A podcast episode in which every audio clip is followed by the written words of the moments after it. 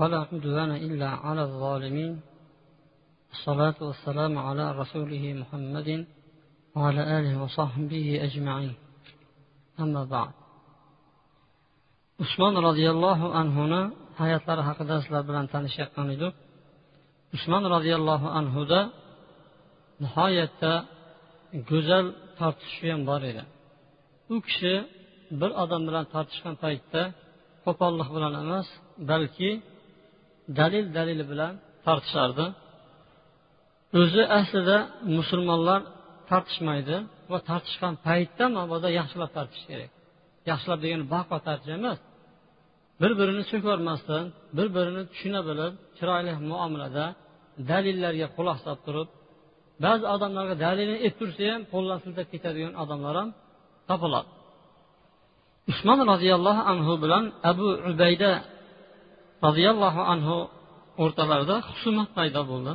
Bir biri bilan tortishib qoldi shunda abu ubayda ikkalasi ham jannatli kishilardan payg'ambar alayhissalom jannatiy deb xabar bergan u ikkalasiga ham ey usmon dedi san man bilan tortishyapsan dedi man sandan uch xislat bilan afzalmanu dedi.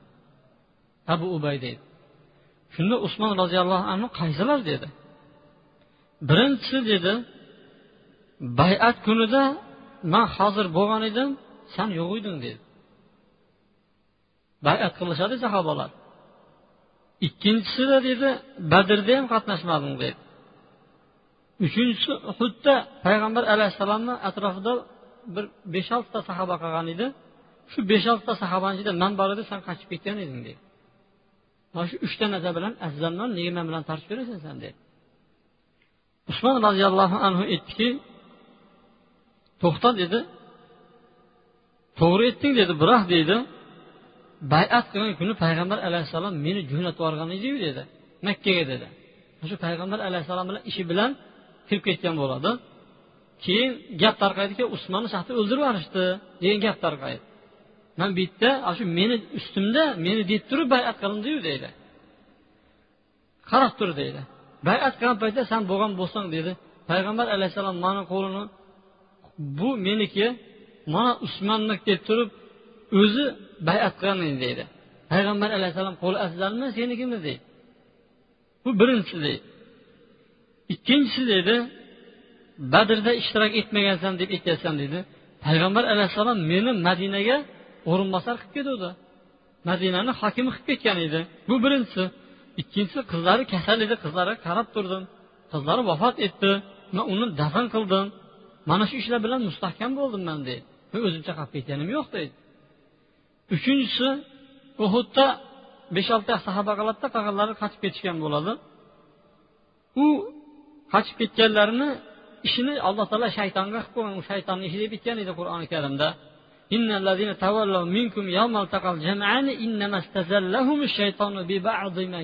Deb aytgan edi.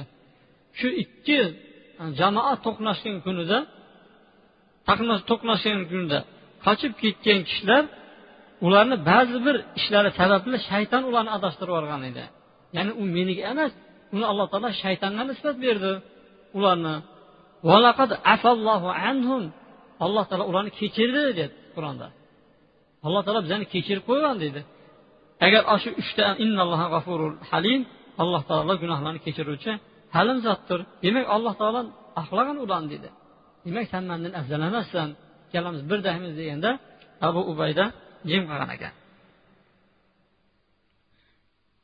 Endi xalifa bo'lishdan oldingi usmon roziyallohu anhuni holatlari u kishi nihoyatda boy tijoratchi judayam kelishgan va islomga da'vat qilingan paytda birinchi abu bakr roziyallohu anhuni da'vatlarini qabul qilgan va payg'ambar alayhissalomni qizlari bilan birga habasistonga hijrat qilgan va ko'p odamlar u kishini yaxshi ko'radigan nihoyatda hayoli xulqli kishilar jumlasiga kirgan bu kishi.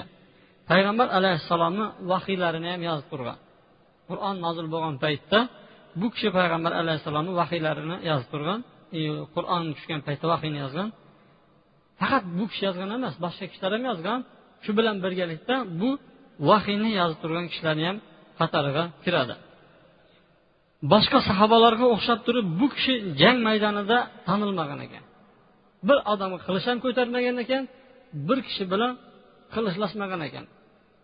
Boshqa sahobalar e, janglarda ishtirok etgan qilich ko'targan odam o'ldirgan bu kishi unaqalarga ishtirok etgan emas ekan. Bir kishiga qilich ham ko'tarmagan ekan bu kishi. Shunaqa bir sifatlarga ega bo'lgan ekan. Ko'p odamlarga yaxshilik qilib yuradigan payg'ambar alayhissalom vafot etgan paytda u kishi rozi bo'lgan kishilarni jumlasiga kirar ekan. Payg'ambar alayhissalomdan bori yo'g'i qirq bir yuz qirq oltita hadis rivoyat qilgan ekan. Bir yuz qirq oltita hadis judayam ko'p hadis. Sahobalarga agar bo'ladigan bo'lsa bitta ham hadis rivoyat qilmagan sahobalar bor. Uchta hadis qilgan to'rtta hadis beshta hadis va shunday ketaveradi judayam ko'pi ikki mingga yetgan emas. Bu kishi bir yuz qirq oltita hadis rivoyat qilgan ekan payg'ambar sollallohu alayhi vasallamdan u kishi xutba qilishlikda judayam salohiyatli kishi bo'lgan emas ekan. Bu haqida inshaalloh hozir suhbatlashib o'tamiz. Shu bilan birgalikda hajdagi bo'ladigan amallarni judayam zo'r bilgan ekan. Hajni amallari mana shu beshta amalni ichida eng qiyini bo'ladi. Iymon keltirish masalasi bor. Misol boblari ko'p emas. Namoz ro'za zakot shunga o'xshagan oxirgisi haj hajni amallar rosa ham qiyin. Qandoqdir? Judayam masalasi ko'pda. Hattoki ba'zilar hozir islom universiteti bor madinada. Shunda bir olim aytgan ekanki man darsliklar kirgizgan paytda shariat degan darslik borda shariat. Unda shu beshta amal o'rganiladi shariatda va qozilik hukmlari o'rganiladida shu kishi aytgan ekanki alohida bir fan qo'ygan bo'lardimki haj degan bir darslik qo'ygan bo'lardim degan ekan. Boyagi beshtasini tashqari. Bu kishi shu haj masalalarini judayam qattiq yodlab olgan judayam zo'r biladigan kishi bo'lgan ekan. Umar roziyallohu anhuga o'xshagan ovqatni o'zini qismasdan balki ovqatni bemalol yeydigan kishi bo'lgan ekan. U kishi xalifa bo'lgan paytlarida oltmish sakkiz yoshlarida xalifa bo'lgan ekan ya'ni qarib qolgan paytlarida u kishi xalifa bo'lgan yili odamlarni burnidan ko'p qon ketadigan yilga to'g'ri kelgan ekan. Arablarda yillar ko'proq e, voqealarga bog'lanadi xuddi bizani dadalarimizni ham voqealarga bog'langan o'xshab. Qachon tug'ilgansiz qavm pishig'ida. Qachon tug'ilgansiz o'rik gullaganda. Shunga o'xshagan arablarda ham fil voqeasi yili yoki bo'lmasa ocharchilik yili mana usmon roziyallohu anhu xalifa bo'lgan yili amur raas deb qo'yadi odamlarni burni qanab ketgan yil. Judayam ko'p odamlarni burni shu yilda qanab oqib ketaverar ekan ana shu yilni otini amr raaf deb qo'ygan shu yilda u kishi xalifa bo'lgan ekan. Umar roziyallohu anhu xalifalikni o'zini qarindoshlariga topshirmagan ekan. Biroq chaqirib alini aytgan ekanki ey ali sen xalifa bo'lsang qarindoshlaringni butun barini nimadir o'zing qilib turib boshqalarni bo'yniga ilib qo'ymagin degan ekan. Usmon roziyallohu anhu ham chaqirib turib ey usmon agar sen xalifa bo'lsang o'zingni qarindoshlaringni o'rtaga qo'yib turib butun barini ishini ularni bo'yniga yuklab qo'ymagin abdurahmon ibn avf ham shuni tayinlagan ekan. Va abu bakr ham xuddi shu gapni aytgan edi. Abu bakr aytdiki man sizlarga umar ibn hattobni tayinlab ketyapman. Biroq meni qarindoshim emas. U kishi meni qarindoshim emas deb tayinlab ketgan ekan. Demak oldingi o'tgan salohiyatli musulmonlar o'zlarini qarindoshlarini biron bir ishga nimadir? Tortishlikqa haris bo'lgan emas ekan. Agar shuni ahli bo'ladigan bo'lsa joiz. Shu ish qo'lidan keladigan bo'lsa tartib bo'ladi. Biroq qo'ldan hozirgi paytda keladimi kelmaydimi nima qilyapti? O'zinikini o'zi tortish bo'lib ketgan. U kishi birinchi xalifa bo'lgan paytda yuqorida aytdiku payg'ambarimizdan keyin abu bakr xalifa bo'lgan paytda umar xalifa bo'lgan paytda xutba qiladi shu kunini o'zida. Bu kishi xutbaga chiqadi tag'in man deydi xutba qilolmayman deydi man unaqa odam emasman deydi. Biroq deydi alloh taolodan so'rayman manga xutba qilishni nasib qilsin chiroyli. Keyingi kunlarda qilib beraman. Chunki deydi birinchi otga minayotgan odam qiynalib minatdan keyingi kunlari choptirib ketadi. Man ham hozir xutba qilolmayman deb turib minbardan tushib ketgan ekan u kishi. Endi u kishini davrida nihoyatda ko'p sahobalar vafot etgan ekan. Ana shu sahobalarni ismlarini zikr qilishlik bilan bugungi suhbatimizni yakunlab keyingi suhbatimizni usmon roziyallohu anhu davridagi boshlangan fitna bilan davom ettiramiz. Bu kishini davrida shu ikki yilni ichida o'ttiz ikkinchi va o'ttiz to'rtinchi hijrat yillarida nihoyatda katta sahobalar dunyodan o'tib ketishgan. Birinchisi abu zar roziyallohu anhu keyingisi abdurahmon ibn avf uchinchisi payg'ambar alayhissalom amakilari abbos ibn abdul muttalib keyingilari abdulloh ibn masud undan keyin abdulloh ibn zayd azonni tushida ko'rgan sahobiy abu dardo roziyallohu anhu miqdod ibn asvad abu talha ubodat ibn somit va mana shular eng katta sahobalar. Nihoyatda ilm tarqatgan ilm egalari bo'lgan sahobalar usmon roziyallohu anhuni xalifalik davrlarida vafot etgan ekan.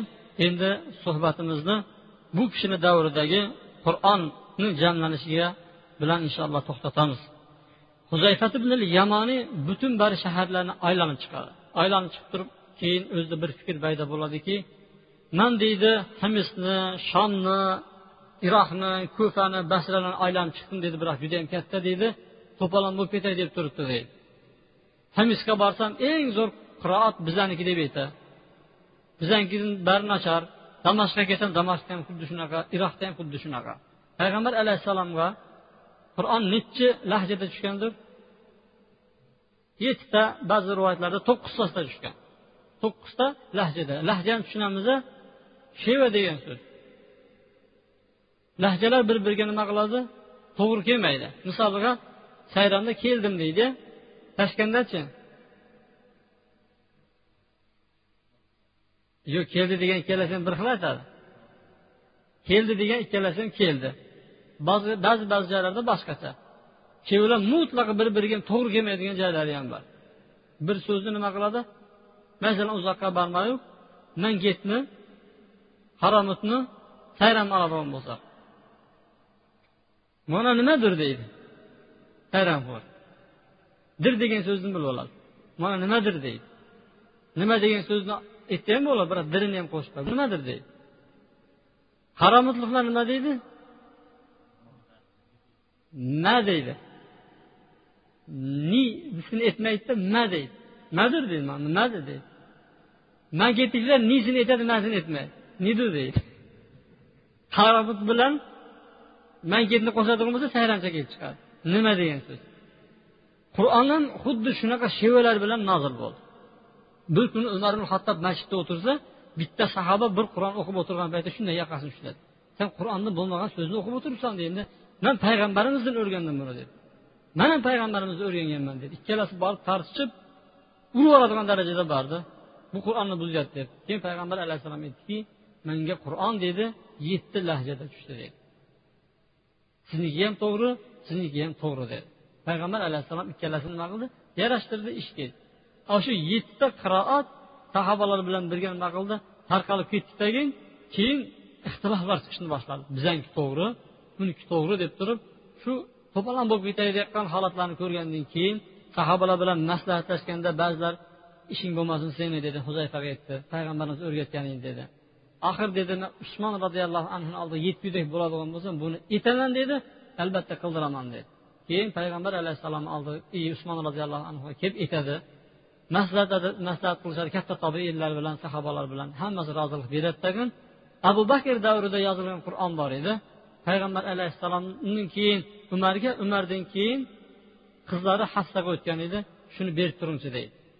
Berib turgandan keyin qaytarib beramiz deydi. Undan beshta nusxa ko'chiriladi. Beshta nusxa ko'chirib turib bittasi makkaga bittasi shomga bittasi yamanga bittasi iroqqa nima qiladi? Jo'natiladi tagin shu yozayotgan paytda faqat quraysh shevasi bo'yicha yozilsin boshqa shevalar yozilmasin deydi. Quraysh shevasida qur'on nozil bo'lgan. U adabiy til hisoblanadi. Hozirgi bizani adabiy tilimiz bormi? Adabiy tilimizga hammamiz tushunamizu boyag'ilar xuddi shunga o'xshab shu quraysh tilida yozilsin boshqa tillardagini yozmanglar dedi.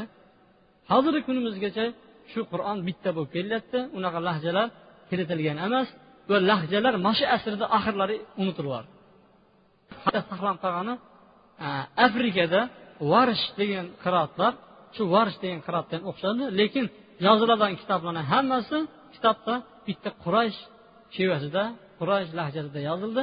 Bu ishni usmon roziyallohu anhu o'rniga olib kelib qo'ydi. Chunki mana yer yuzidagi har xil dinlarni kitoblarini ko'rasiz har xil hammasini. Ammo qur'oni karim bitta shu ishni boshlagan kishi usmon roziyallohu anhu bo'lar ekan. Ana shu usmon roziyallohu anhu beshta nusxa ko'chirgan bo'lsa shuni bittasi hozir tashkanda asli imomda bir muzey bor shu muzeyda saqlanadi shu beshta kitobni bittasi. Shuni bitta varrag'ini sotayotganda ikki yil uch yil oldin bitta domlani ushlash oldi. Bitta varrag'ini o'zi necha million dollarga sotayotgan bo'lgan shu paytdagisini muzeyga kirib u paytda muzeyga hamma kirib chiqib yuraverardi bemalol ko'rilaverardi varaqlab ham ko'rilaverardi ana shunaqa e, xiyonatchi odamlar ham bor.